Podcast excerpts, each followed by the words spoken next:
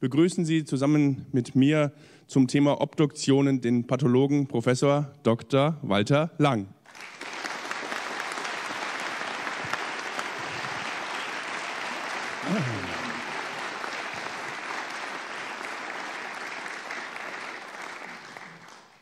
Vielen Dank für Ihre Einladung.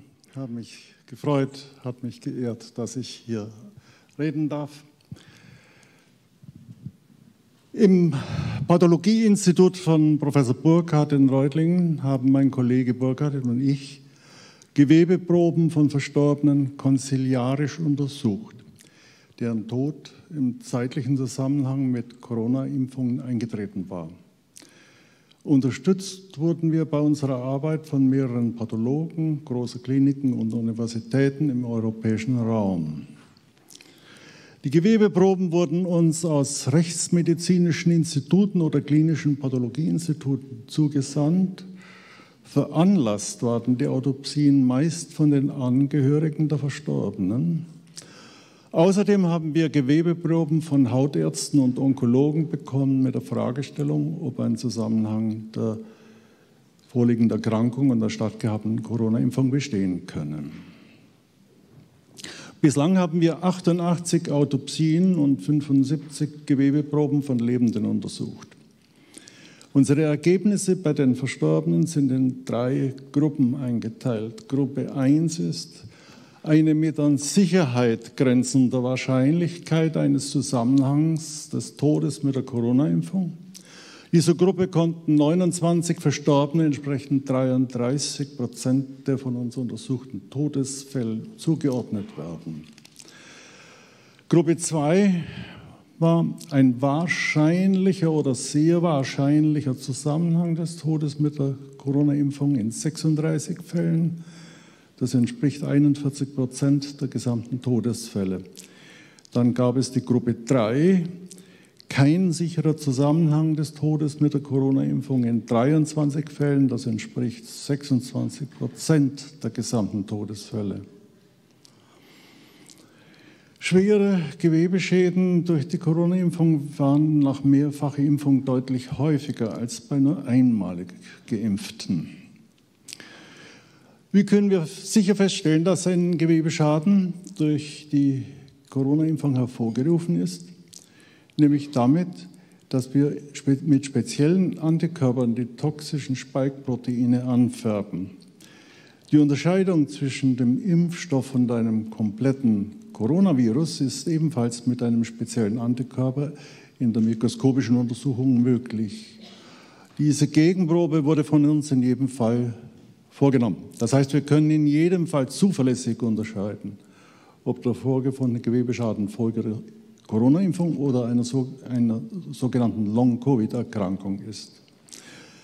Letztere, die äh, Long-Covid-Erkrankung, tritt ein, wenn die Coronaviren bei der Infektion nicht auf die Atemwege beschränkt bleiben, zum Beispiel bei sehr hoher Viruslast sondern über die Lunge in den Blutkreislauf gelangen. Prinzipiell ist die Ausbreitung der Spike-Proteine im Blutkreislauf nach Impfung und schwerer Infektion gleichartig. Der gravierende Unterschied ist die stark prolongierte und damit die wesentlich höhere Quantität der Spike-Proteine durch die injizierte modifizierte RNA gegenüber einem, einer schweren Covid-Infektion durch das Wildvirus. Jetzt komme ich zu unserer Mikroskopie.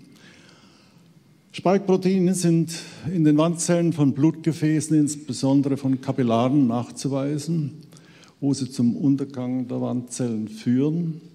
Durch die entstandenen Lecks sickert spikehaltiges Blutplasma ins umliegende Gewebe und tötet die dortigen Minikrebszellen, was Fresszellen und Lymphozyten anlockt, also zu einer heftigen Entzündung führt. In der Lichtung der angegriffenen Blutgefäße kommt es zur Verklebung von Blutplättchen entsprechend einer Gerinnselbildung. Beispielhaft kann man diese Vorgänge mikroskopisch im Herzmuskel sehen. Das mikroskopische Bild entspricht einer Herzmuskelentzündung mit Ansammlung von Lymphozyten und Fresszellen um die geschädigten Blutgefäße umgeben von absterbenden Muskelfasern. Diese Befunde sind in kleinen und größeren Herden nachweisbar. Das heißt, man muss mehrere Stellen am Herzmuskel entnehmen, um die Chance zu erhöhen, einen dieser Entzündungsherde zu finden. Wie wichtig das ist, möchte ich Ihnen am Beispiel von einem unserer Fälle zeigen. Ein 20-jähriger gesunder Mann muss sich zweimal impfen lassen, weil er als Koch arbeitet. Kurz nach der zweiten Impfung klagt er eines Abends über Schmerzen in der Brust, am darauffolgenden Tag wird er im Freien tot aufgefunden. Er wurde in der Rechtsmedizin ordnungsgemäß obduziert. Organisch und toxikologisch konnte keine Todesursache festgestellt werden. Da nach Corona-Impfung bekannterweise gerade bei gesunden jungen Menschen eine Herzmuskelentzündung auftreten kann, muss danach gesucht werden muss danach gesucht werden. Dringend notwendig ist, dass Rechtsmediziner und Pathologen die schädlichen Einflussnahme der Corona-Impfung stets berücksichtigen und die Untersuchung danach ausrichten. Wir haben in unserem Untersuchungsgut 47 Fälle mit an Herzmuskelentzündung Verstorbenen in einem Alter zwischen 15 Jahren und 94 Jahren. Ich bin erst 83 übrigens. Äh, nächstes Thema. Sehr häufig haben wir Gewebescheiden durch Spike-Protein in großen und mittelgroßen Gefäßen gefunden. In der Aorta, der Hauptschlagader des Körpers, war in 77 von 88 Todesfällen eine Entzündung in der äußeren und mittleren Wandschicht zu sehen. Diese Entzündung war um die kleinen Blutgefäße konzentriert, die von außen her kommend in die Wand der großen Schlagader ziehen als sauerstofftransportierende Lieferanten.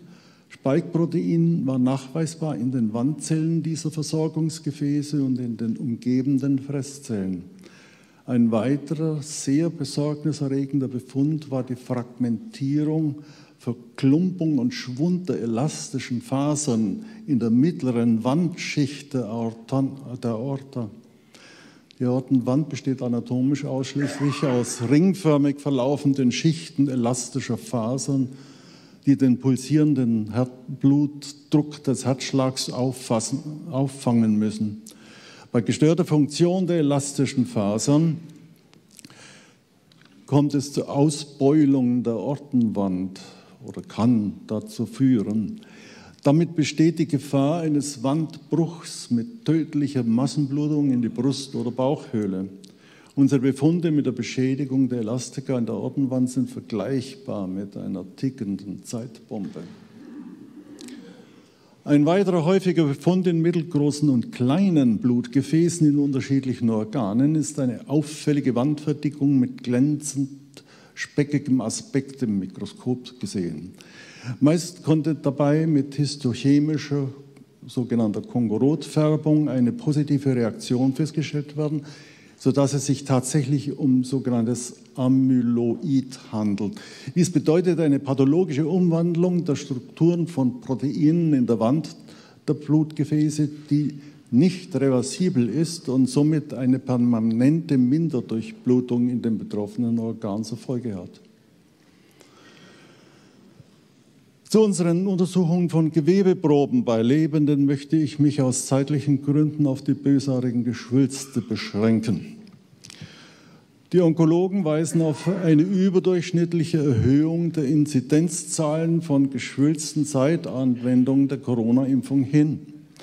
Eine Pathologin in Schweden, Mitarbeiterin von uns, hat in ihrem Untersuchungsmaterial festgestellt, dass seit Einführung der Corona-Impfung in ihrem Land die Zahl der bösartigen Geschwülste in der Brustdrüse deutlich gestiegen ist. Außerdem habe der Grad der Bösartigkeit zugenommen. Die betroffenen Frauen seien fast um eine Dekade jünger als vor der Zeit der Impfung. Diese Befunde sind aufgrund der hohen Durchimpfungsrate in Schweden und der hohen Rate von Vorsorgeuntersuchungen der Brust in diesem Land sehr gut gesichert. Dies ist eine einleuchtende und gut fundierte statistische Aussage, muss aber künftig durch histopathologische oder eigentlich mehr molekularpathologische Forschung substanziiert werden. In, dann, in den an unserem Institut untersuchten Tumoren haben wir Spike-Proteine nachgewiesen. Das kann natürlich keine ursächliche Zusammenhang mit der Geschwulstentstehung belegen. Es wird aber mit Sicherheit in absehbarer Zukunft durch molekularpathologische Untersuchungen geklärt werden. Im April dieses Jahres ist zum Beispiel eine Mitteilung von Professor McKinnon in Hamburg, in der unter anderem in modifizierte RNA-Impfstoffe Treiber für die Geschwulstentstehung nachweisbar waren. Diese Befunde sind inzwischen von mehreren anderen Labors bestätigt worden.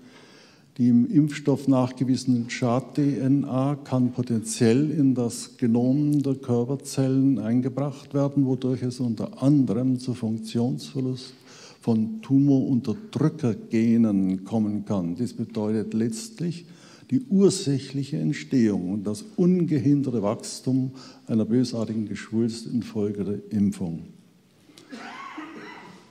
Seit zwei Jahren ist bekannt, dass Geschwülste, die bereits vor der Impfung vorhanden waren, nach der Corona-Impfung wesentlich schneller gewachsen sind, infolge der in, induzierten Schwächung der Immunabwehr gegen die Tumorzellen bei gleichzeitiger Verlagerung der Immunabwehr gegen die eingeimpfte RNA. Weitere Organe, in der wir Spike-Proteine nachweisen konnten, möchte ich zum Abschluss kurz ansprechen. Es handelt sich um Gehirn, Hoden, Plazenta und Nabelschnur. Erstens, im Gehirn haben wir einen Fall mit tödlicher Hirnentzündung bei starker Positivität von Spike-Proteinen. Zweitens, im Hoden eines 29 Jahre alten Mannes war eine starke verzögerte Ausreifung der Keimzellen zu sehen mit Nachweis von Spike-Proteinen. Drittens, in der Plazenta bzw. Fruchthöhleninnenhaut und in der Nabelschnur konnten wir Spike-Protein nachweisen. Diese Befunde geben einen warnenden Hinweis auf eine zu erwartende Reduktion der Reproduktivität. Zum Schluss erlauben Sie mir bitte noch eine kleine Anmerkung. Es muss ein Ende haben, dass die Impfschäden als Long-Covid-Folgen bagatellisiert werden.